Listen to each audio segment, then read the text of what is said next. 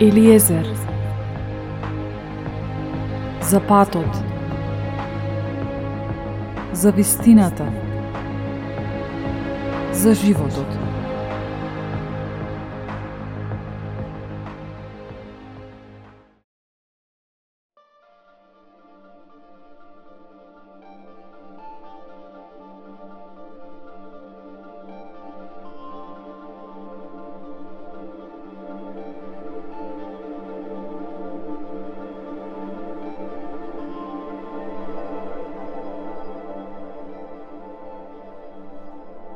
Еден од најчестите проблеми на денешното живење е менталното измачување. Денешната кратка порака, односно кратко сврнување кон нашето свестување е присуството на менталното измачување. Треба да разбереме дека во нашата современа култура и цивилизација сме експонирани на различен вид притисок. Изгледа дека тој притисок постојано се зголемува, а не се намалува. Овој притисок често асоцира на притисок кој се изразува како глас, што постојано ни зборува во умот, а понекогаш дури звучи толку реално како вистински глас. Но најчесто е внатрешен глас, но и покрај тоа нештата што ги зборува можат често да бидат формулирани во јасни реченици –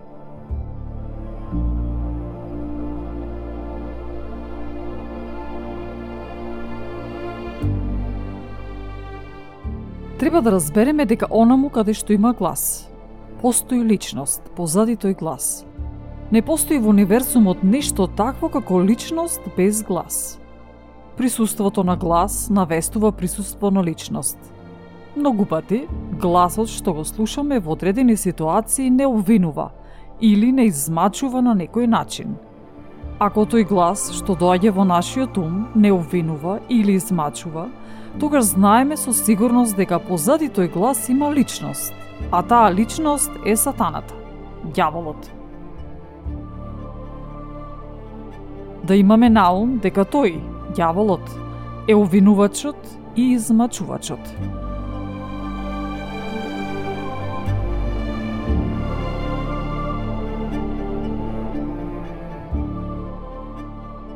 Доколку имаме таков глас, слушаме таков глас, притискајки не, измачувајки не, тогаш знаеме дека без друг доказ дека ѓаволот работи против нас во нашиот живот. Ќе ви дадам неколку винувања што тој глас ни ги повторува често, ако не и постојано.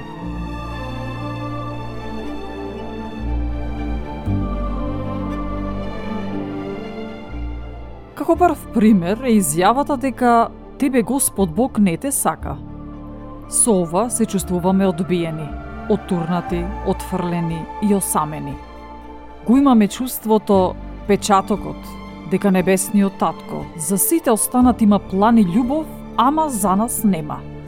Дека ние сме исклучок, или пак дека секогаш ќе бидеме губитници.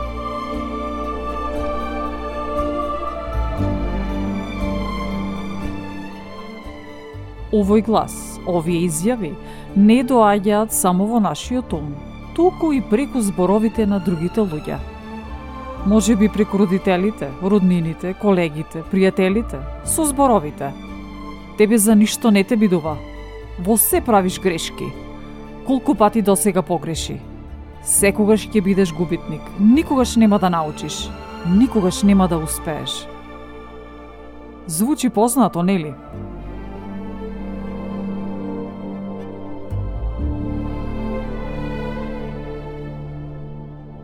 Или пак изјавите како Ти полудуваш, не си како што треба, преиспитај се. Или пак, тој глас ќе надополни дека некој од членовите на семејството го има листиот проблем и дека твоето однесување или болест е наследна, што воопшто не е точно. Таа мисла, тој глас, постојано прогонува и преминува во измачување, ден и ноќ.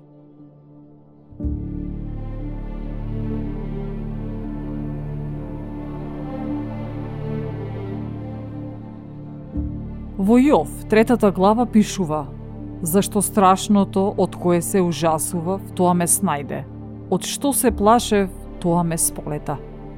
Нема за мене мир, нема спокојство, нема утеха, настапи зло. Врз основа на ова, заклучуваме дека стравот од нешто може да отвори врата на она од што најмногу се плашиме. Дјаволот го користи стравот за да го донесе токму она што го наметнува преку стравот.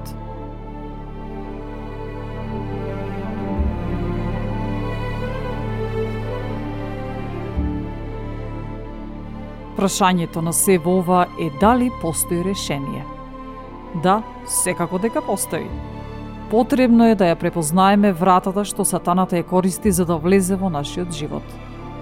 Како врата што сатаната ја користи лутината и непростувањето што го имаме кон одредена личност. Често тоа е личност од најблиското семејство, а со тоа се развива бунтовноста кон небесниот татко, понекогаш бунтовност кон обштеството или кон личност со авторитет. Решението е да се затвори вратата. Ако станува збор за лутина или непростување, тогаш потребно е да му простиме на таа личност. Не треба да бидеме огорчени, полни со омраза. Исто како што пишува во молитвата Татко наш – Простини ги долговите, како што ние им ги простуваме на другите.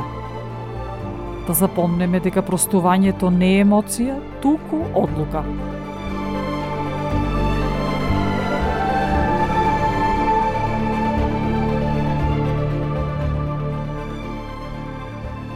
Доколку пак отворената врата ни е бунтовноста кон Бога, тогаш треба да ги затвориме сите врати.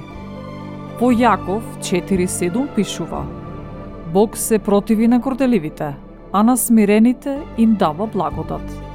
Па затоа, покорете му се на Бога, а противете се на ѓаволот и тој ќе побегне од вас. Така што, не можеме да му се спротивставиме на јаволот се додека му се спротивставуваме на небесниот татко. Она што треба да го сториме е да се подмитиме на небесниот татко со зборовите. Татко, се понизувам пред тебе Ти си ми Господ, ти си ми командант, ти си мој создател и ќе направам се што ќе ми речеш. Дури тогаш, имаме право да го семеме мечот на духот, што е двостар меч, и да го избрака ѓаволот во нашиот живот. Исто како што правеше Исус кога беше искушуван. Да изговориме. Сатано, ти немаш право над мојот живот. Ти немаш никакво право над мене Тоа право ти беше одземено на крстот, кога Бог го воскресна Исус од мртвите.